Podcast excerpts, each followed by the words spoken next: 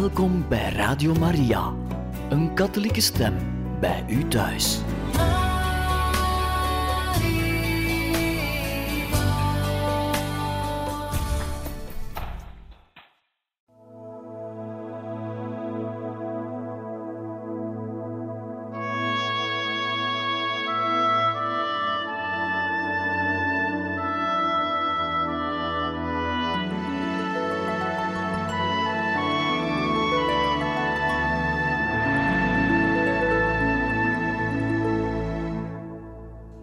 Beste luisteraars van Radio Maria, in dit programma lezen wij verder voor uit het boek Don Bosco van Teresio Bosco. En we zijn gekomen bij het hoofdstuk 46, Patagonië, het beloofde land, bij het onderwerp Ik keek in het hart van de bergen. In datzelfde jaar 1883 zag Don Bosco op duizenden kilometers afstand in een droom de toekomst van Zuid-Amerika en zijn missionarissen. Ik keek door het raampje van de trein en zag allerlei prachtige landschappen voorbijglijden: bossen, bergen, vlakten, lange en majestueuze rivieren. Meer dan duizend mijl voeren we langs de zoom van een tot heden toe nooit verkend oerwoud. Ik keek in het hart van de bergen en ver in de vlakten. Ik zag voor mijn ogen de onmetelijke rijkdommen van die landen, schatten die ooit zullen worden ontdekt. Ik zag talrijke mijnen, vol kostbare metalen, onuitputtelijke steenkoolgroeven, petroleumopslagplaatsen, zoveel als nooit tevoren elders werden gevonden. Intussen reed de trein door de Pampas en Patagonië en we bereikten de straat Magellan. We stapten uit. Voor ons lag Punta Arenas. De grond lag vele mijlen ver bezaaid met steenkool, balken, boomstammen, hout, grote hopen metaal, deels erts, deels bewerkt. Mijn vriend wees op die dingen en zei: Wat vandaag nog een plan is, zal op zekere dag werkelijkheid worden. Ik besloot: Ik heb genoeg gezien. Breng me nu maar mijn Salesianen in Patagonië. We keerden terug naar het station en stapten weer in de trein. Na een heel lange tocht bleef de trein staan bij een belangrijk dorp. Ik stapte uit de trein en stond meteen tussen de Salesianen. Ik ging naar hen toe. Het waren er vele, maar ik kende ze niet en onder hen bevond zich niemand van mijn eerste zonen. Ze keken me alle verbaasd aan, alsof ik een vreemde voor hen was, en ik zei hun: Kennen jullie me niet? Kennen jullie Don Bosco niet? Oh, Don Bosco, we kennen u van naam, maar we hebben u alleen op portretten gezien, nooit persoonlijk. En waar zijn Don Fagnano, Don Costamagna, Don Lasagna, Don Milanese? Die hebben wij nooit gekend. Dat zijn degenen die hier heel lang geleden geweest zijn, de eerste Salesianen die uit Europa hier naartoe kwamen maar er zijn zoveel jaren voorbij gegaan sinds hun dood. Bij dat antwoord dacht ik verwonderd: is dat nu een droom of werkelijkheid? We stapten weer in de trein, de locomotief gaf een fluitsignaal en we reden naar het noorden. Vele uren lang stoomde hij voort langs de oever van een heel lange rivier. De trein reed nu eens op een rechter en dan weer op de linkeroever. Op de oevers verschenen talrijke stammen van wilde. En mijn begeleider herhaalde: Zie daar de oogst van de Salesianen. Dat is de oogst van de Salesianen. Tijdens die lange fantastische droom voorspelde Don Bosco's geheimzinnige begeleider hem de volledige verlossing van de wilde volken van Zuid-Amerika. Dat zal een feit zijn voordat de tweede generatie voorbij is. Elke generatie beslaat 60 jaar. Hij noemde ook de methode waarmee de missionarissen dat resultaat zouden bereiken: met zweet en tranen. Don Bosco's laatste missiedroom. In de nacht van 9 en 19 april 1886 had Don Bosco zijn laatste missiedroom. Hij vertelde hem aan Don Rua en aan zijn secretaris Don Biglietti, met een van vermoeidheid en ontroering gebroken stem. Het was een groots en sereen toekomstvisioen. Aan de hand van toen gemaakte aantekeningen schrijven wij de passages over die ons essentieel voorkomen. Van een hoogte af richtte hij zijn blik op de verre horizon. En hij zag een grote massa jongens die naar hem toeliepen en hem omringden, terwijl ze zeiden: We hebben op je zitten wachten. Zo lang hebben we op je zitten wachten, maar eindelijk ben je er dan toch. Je bent bij ons en we zullen je niet meer laten gaan. Een herderin met een ontelbaar grote kudde lammetjes zei hem: Kijk goed, kijk allemaal goed. Wat zien jullie? Ik zie bergen, dan de zee, dan heuvels en dan weer opnieuw bergen en zeeën. Ik lees, zei een jongetje, Valparaiso. En ik lees, zei een ander, Santiago. Welnu, ging zij voort, vertrek van dit punt en dan zul je zien hoeveel er in de toekomst nog te doen valt voor de Salesianen. Trek een lijn en kijk. De jongens keken aandachtig en riepen in koor uit: Wij lezen Peking. En nu, zei de herderin, trek nu één enkele lijn van het ene uiterste naar het andere, van Peking naar Santiago. Geef het middelpunt aan in het hart van Afrika, en dan heb je een goed idee van wat de Salesianen nog moeten doen. Maar hoe moet dat alles gebeuren? riep Don Bosco uit. De afstanden zijn onmetelijk, het zijn moeilijk bereikbare plaatsen en er zijn zo weinig Salesianen. Maak je geen zorgen, dat zullen je zonen doen, de zonen van je zonen en hun zonen.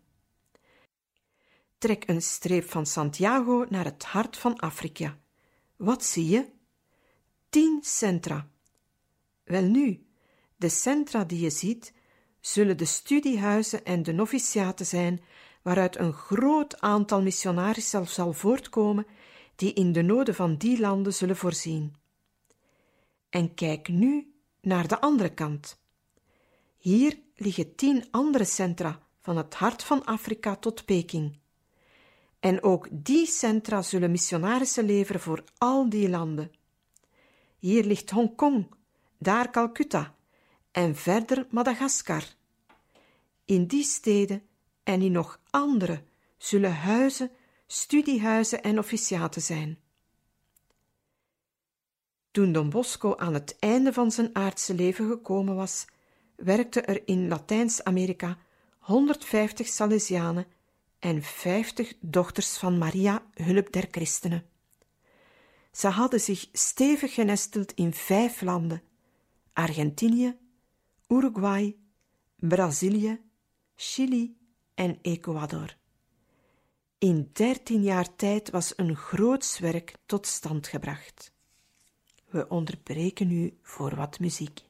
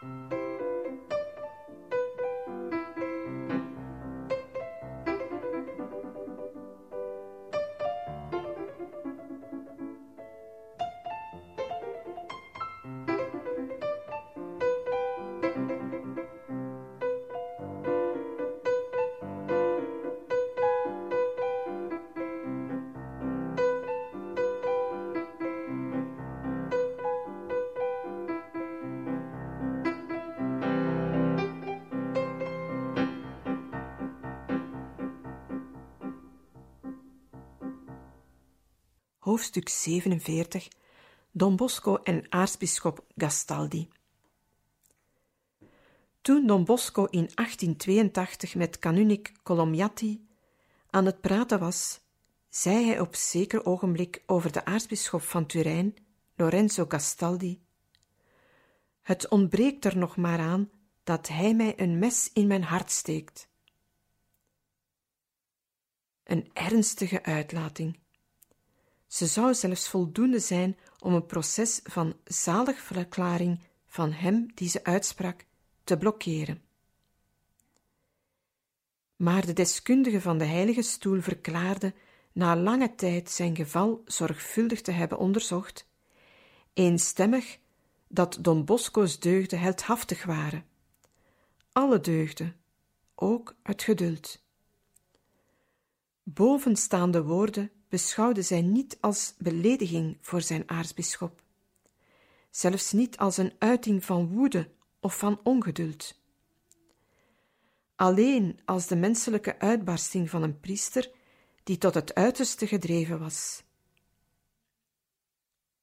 In dit hoofdstuk vertellen wij gebeurtenissen die in het verleden als onaangenaam beschouwd werden en daarom door Don Bosco's biografen verzwegen of over het hoofd gezien werden. We zijn van mening dat de christenen van tegenwoordig gegroeid en volwassen geworden zijn. We zijn ervan overtuigd dat het niet aanstootgevend, maar integendeel opbouwend is, te weten dat ook de grootste mannen van God fouten hebben gemaakt. Dat zij in de naam van God niet alleen hebben geleden, maar ook hebben doen lijden.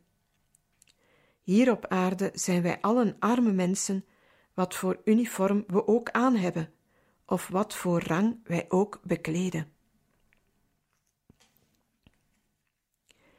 De koelheid van Monseigneur Riccardi. Het conflict met zijn aartsbisschop, lang, vernederend en pijnlijk als een doornenkroon, had Don Bosco juist in de tijd van zijn schitterendste prestaties. Monseigneur Fransoni stierf in ballingschap in Lyon in 1862. Hij had Don Bosco tot priester gewijd. Hij had zijn werk zien geboren worden en groeien, en hij had hem altijd gesteund. Het patronaat had hij genoemd de parochie van de jongens zonder parochie.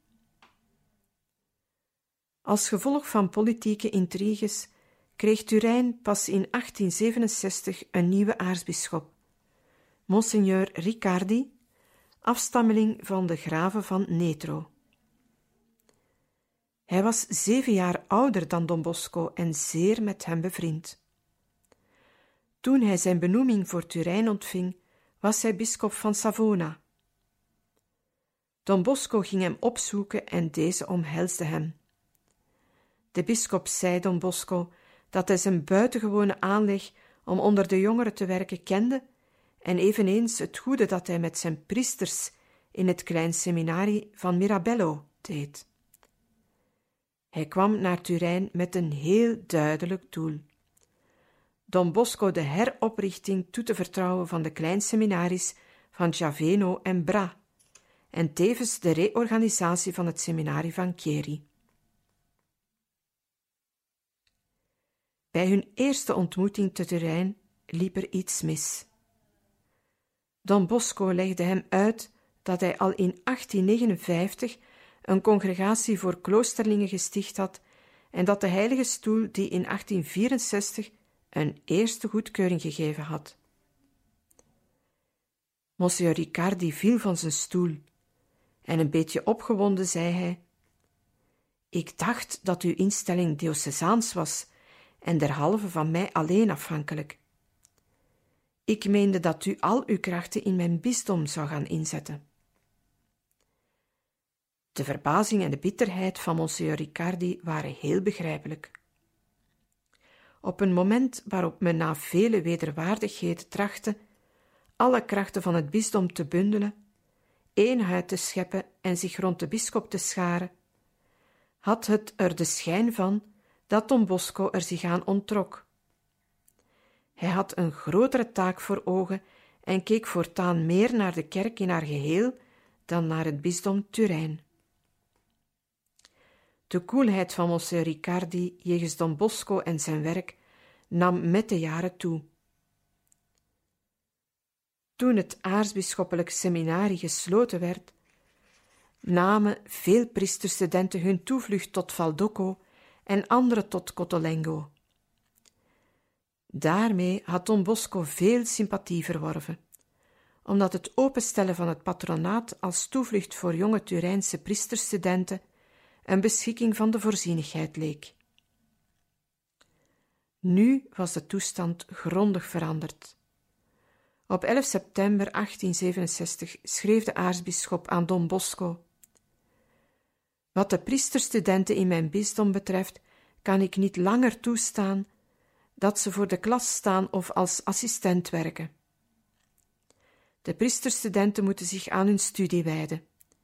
Ik heb daarom bepaald dat alleen zij tot priester gewijd worden die op het seminarie zijn geweest. Voor Don Bosco begonnen daarmee moeilijke tijden. Veel priesterstudenten die niet de bedoeling hadden voorgoed bij Don Bosco te blijven, verlieten het patronaat en gingen over naar het seminarie. En degenen die aan hem gebonden waren door gelofte, vroegen zich bekommerd af wanneer ze priester zouden kunnen worden. Don Bosco ging naar Monsieur Riccardi toe en zei openhartig: Volgens uw voorschrift moeten de jonge priesters naar de aartsbisschoppelijke opleidingsschool en de priesterstudenten naar het seminarie. En moet Don Bosco dan moederziel alleen blijven te midden van zijn jongens? De aartsbisschop bleef onwrikbaar op zijn standpunt staan. Gelukkig bleef de verhouding niet al te lang gespannen. Op 1 maart 1869 keurde een decreet van de Heilige Stoel, een decreet waar Don Bosco dringend om gevraagd had, de congregatie der Salesianen officieel goed. Een ander decreet gaf Don Bosco gedurende tien jaar de bevoegdheid tot bisschoppelijke volmacht voor de priesterstudenten die voor hun veertiende jaar in het patronaat opgenomen waren. Dat kwam hierop neer dat wie in het patronaat van zijn jongensjaren af was opgegroeid, door Don Bosco met een getuigschrift, een bisschoppelijke volmacht, voor de wijding kon worden voorgesteld, ook al had de kandidaat niet het seminarie doorlopen. Monseigneur Riccardi stierf in oktober 1870. U wilt hem en ik geef hem u, Pius IX waardeerde Don Bosco zeer en raadpleegde hem in verband met de keuze van de nieuwe aartsbisschop van Turijn. En Don Bosco stelde Monsieur Lorenzo Gastaldi voor, de bisschop van Saluzzo. Hij was erg bevriend met hem en zijn congregatie had veel hulp van hem ondervonden. Pius IX, die het heftige karakter van Gastaldi kende, deelde die mening niet. Maar Don Bosco bleef aandringen en de paus, volgens het getuigenis van Don Amadei, aanvaarde het voorstel met de woorden: U wilt hem en ik geef hem u. En ik laat het aan u over, monsieur Gastaldi, ervan op de hoogte te stellen dat ik hem nu tot aartsbisschop van Turijn maak, en over een paar jaar nog iets meer. Een duidelijke toespeling op het kardinaalspurper. Don Bosco telegrafeerde onmiddellijk naar Monsieur Gastaldi: Excellentie, ik heb de eer u als eerste mee te delen dat u tot aartsbisschop van Turijn benoemd zult worden.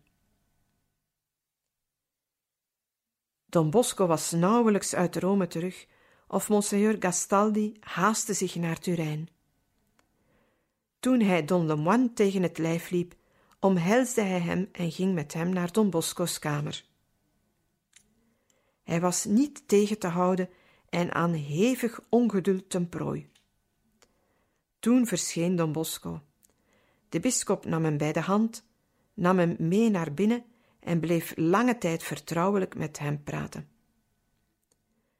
Het was een beetje onvoorzichtig van Don Bosco dat hij op het einde van het gesprek liet doorschemeren ook wel iets tot de benoeming te hebben bijgedragen.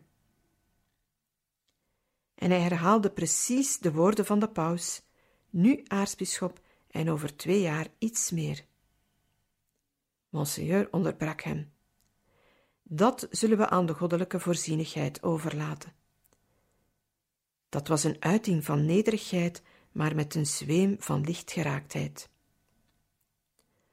Don Bosco's vriendschap met Castaldi kon hecht worden genoemd. De moeder van de bisschop had vele jaren in het patronaat gewerkt en zij beschouwde Don Bosco als een zoon.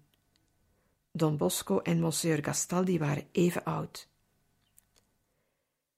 Toen Don Bosco van een bisschop een aanbeveling probeerde te krijgen, opdat Rome zijn congregatie zou goedkeuren, schreef Monsieur Gastaldi een heel mooie brief.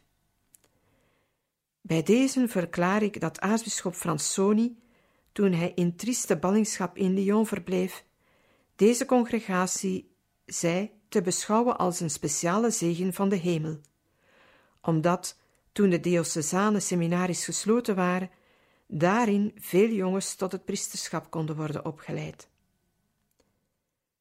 Tien maanden later schreef hij opnieuw: De barmhartige God deelt hier in overvloedige mate zijn zegeningen uit. Dit is een buitengewone zending voor de jeugd. Ondergetekende heeft als een mirakel uit deze congregatie een reusachtige kerk, Maria Hulp der Christenen, zien oprijzen, die de verwondering opwekt van wie haar bezoekt en die, wegens de geweldige kosten, een half miljoen lieren en meer, die door arme, nietsbezittende priesters zijn omgebracht, een bewijs is dat God de congregatie zegent. In zijn boek Historische Gedenkschriften had hij over de wijk Valdocco geschreven. Dat gebied wordt klaarblijkelijk door God gezegend, door de verschillende instellingen van liefdadigheid en godsvrucht die er ontstaan zijn. Hier volstaan twee namen: het kleine huis van de voorzienigheid en het patronaat van de heilige Franciscus van Sales. Don Bosco wendde zich altijd tot hem als tot een broederlijke vriend. Hij legde hem ook het bouwplan van de kerk van Maria Hulp der Christenen voor om het na te zien. En sommige door hem voorgestelde wijzigingen aanvaarde hij ook. We onderbreken nu voor wat muziek.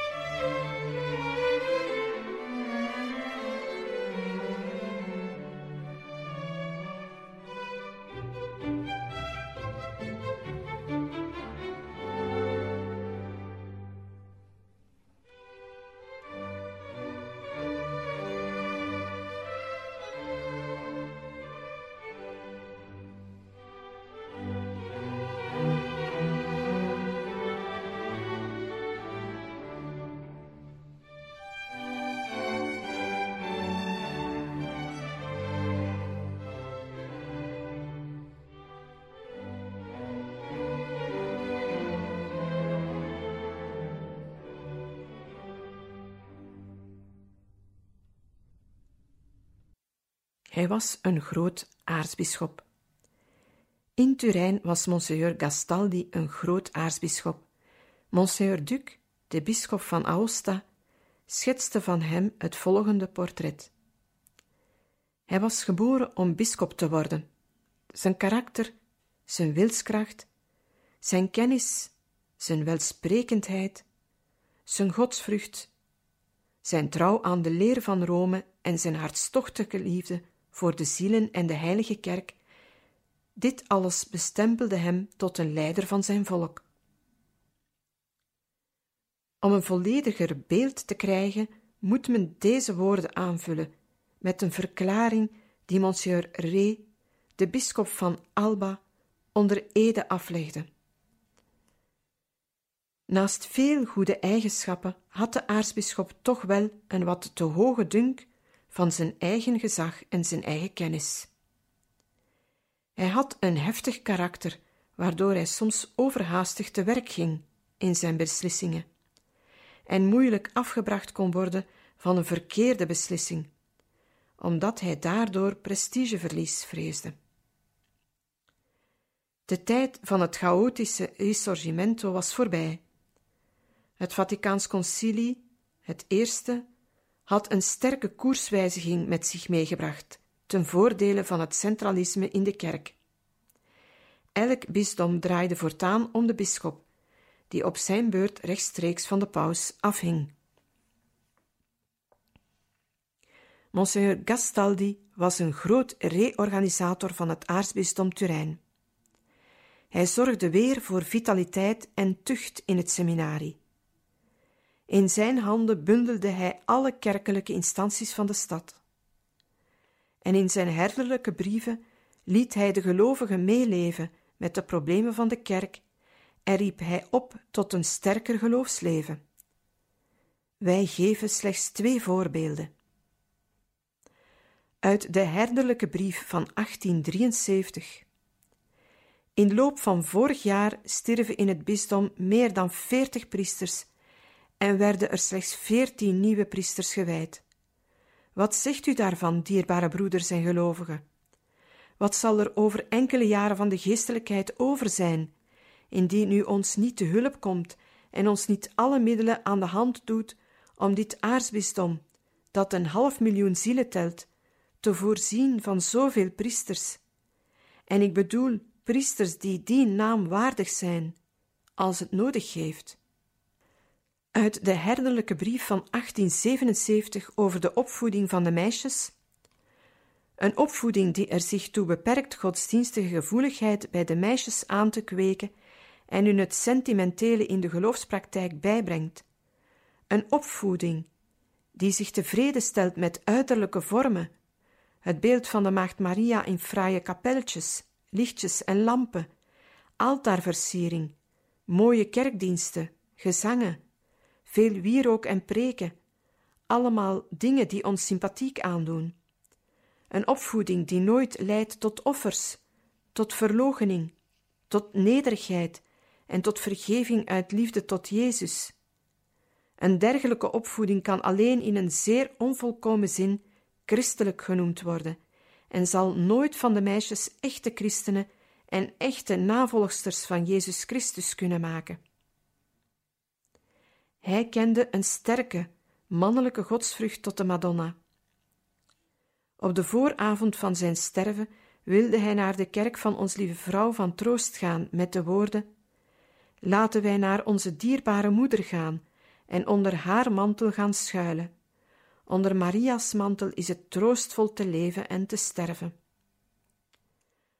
Toen het bericht van zijn overlijden op 25 maart 1883 in Rome aankwam, werd kardinaal Nina, de officiële beschermer van de congregatie der Salesianen, door groot verdriet aangegrepen.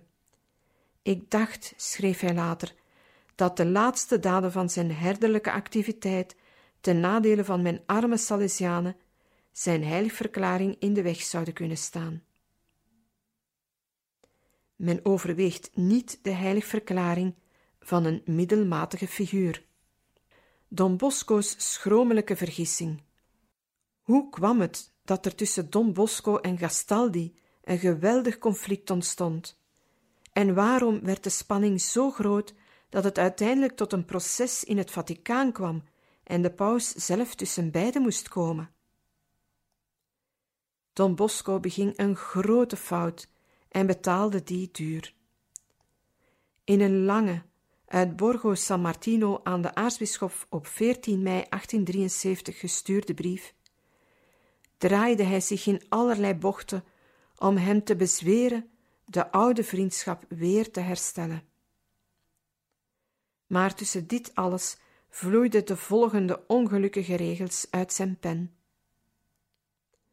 Het lijkt mij juist u ervan op de hoogte te stellen dat bepaalde notities die in het staatsarchief bewaard worden, door toedoen van iemand de ronde doen in Turijn. Uit die notities blijkt dat toen kanunik Gastaldi bisschop van Saluzzo werd, hij dat werd op voorstel van Don Bosco. En toen hij aartsbisschop van Turijn werd, dat enkel gebeurde op voorstel van Don Bosco. De schromelijke vergissing van Don Bosco was te menen dat dergelijke woorden en een dergelijke handelwijze de erkentelijkheid zouden opwekken, terwijl ze bij Monsieur Gastaldi juist niets anders dan grote geprikkeldheid konden teweegbrengen. Ten tijde van die brief was het ingrijpen van de aartsbisschop al bijzonder pijnlijk geworden. Maar toch was het verkeerd van Don Bosco dergelijke zinnen neer te schrijven. Op die manier prikkelde hij Monsieur Gastaldi alleen maar meer. Hij had het al moeten begrijpen in de eerste dagen, toen hij dezelfde fout begaan had, zij dan ook in voorzichtiger bewoordingen. Meteen na de benoeming had hij hem de naam van een vicaris, Don Bertagna, voorgesteld, niet opgedrongen. Bij de intocht in de stad had hij naast hem gestaan en hem de verzekering gegeven dat hij voor hem van de anticlericale gezagsdragers in Turijn een plechtige intocht gedaan gekregen had, die evenwel niet doorging. Dit is de handelwijze van een vriend voor iemand die niet licht geraakt is, maar voor iemand die bijzonder licht geraakt is. Zoals Monsieur Ré verklaarde, is dat de rol van een beschermer. We onderbreken hier voor wat muziek.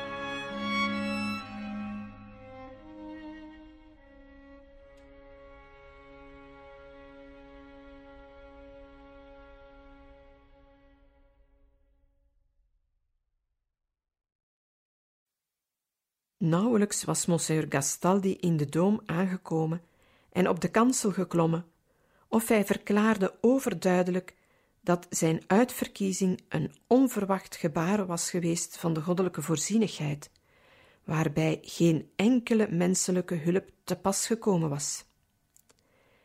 Het was de Heilige Geest en Hij alleen geweest die hem aan het hoofd van het Turijnse aartsbisdom had geplaatst.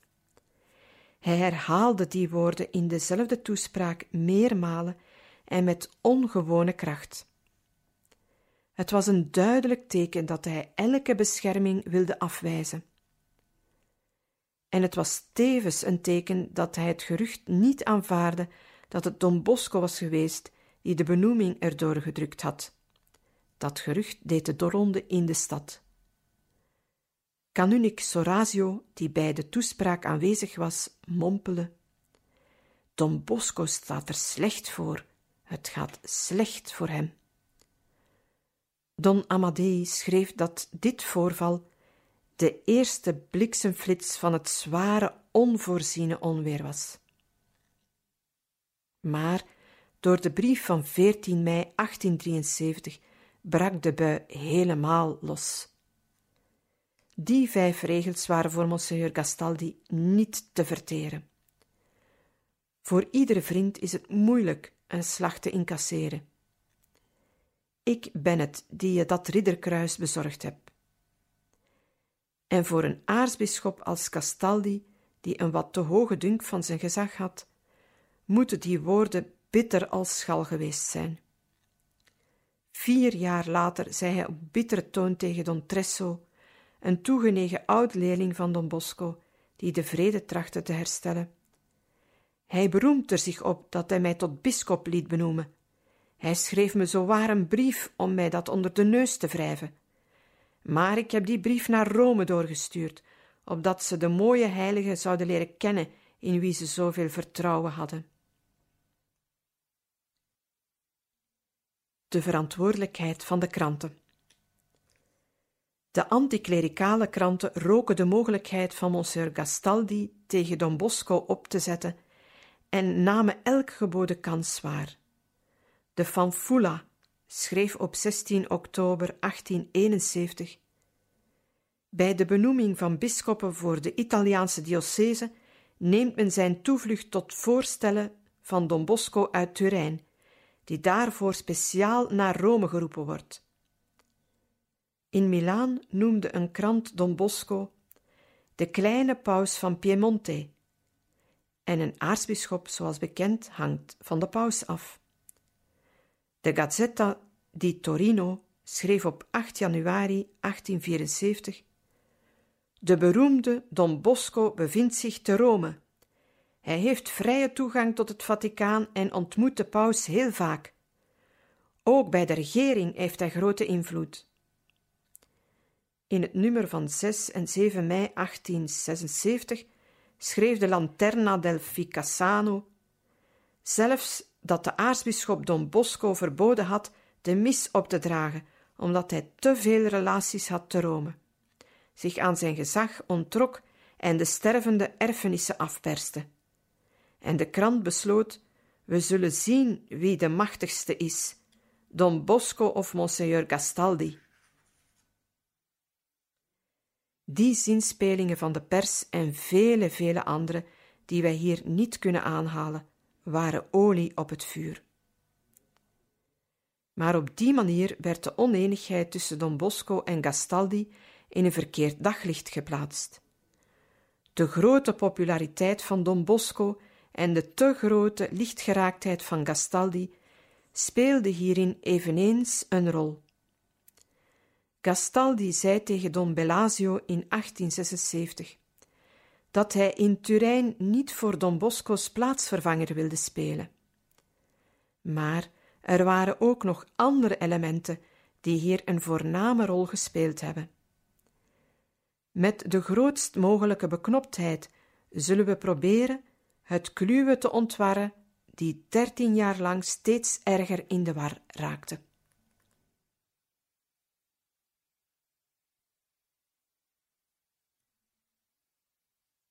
De tijd van het gezag en van het overdreven gezag. De aartsbisschop deed prachtig werk wat de reorganisatie van zijn bisdom betrof. De prijs echter die voor die prestatie betaald moest worden, viel vooral op het menselijk vlak erg hoog uit.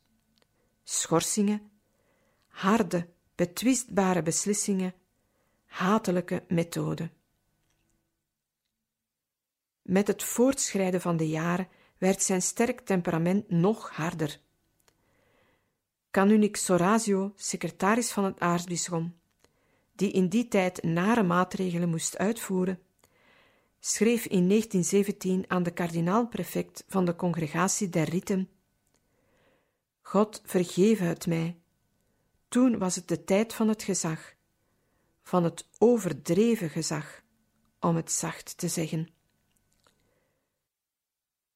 Hij ging er gemakkelijk toe over priesters in hun bedieningen als priester, het opdragen van de mis en het bichthoren, te schorsen, hetgeen onder geestelijke als een zeer zware straf gold. Velen spanden te Rome processen tegen hem aan. In februari 1878 lagen er bij de Heilige Stoel een dertigtal rechtszaken tussen Monsieur Gastaldi en priesters uit het bisdom Turijn. In de eerste tijd, toen de toestand nog niet zo gespannen was, kwam Don Bosco tussen beiden ten behoeve van een kanunik uit Keri, een wat eigenzinnige, maar brave man. De aartsbisschop schorste ook hem van het recht de mis te lezen en biecht te horen. Dat werd in Keri een schandaal, en de arme man moest van schaamte de stad uit. Het meest geruchtmakende geval was wellicht dat van Don Bertagna, dezelfde die door Don Bosco als vicaris voorgesteld was. Nadat hij 22 jaar moraaltheologie onderwezen had in het aartsbisschoppelijk opleidingsinstituut, werd hij in september 1876 onverwachts ontslagen. Hij verdroeg het in stilte en trok zich terug in zijn dorp Castelnuovo, terwijl het instituut op hoog bevel gesloten bleef. Ook door de vernedering werd Don Bertagna zwaar ziek. Daarna, in 1879, riep de bisschop van Asti, Monsieur Savio, hem bij zich en benoemde hem tot vicaris-generaal.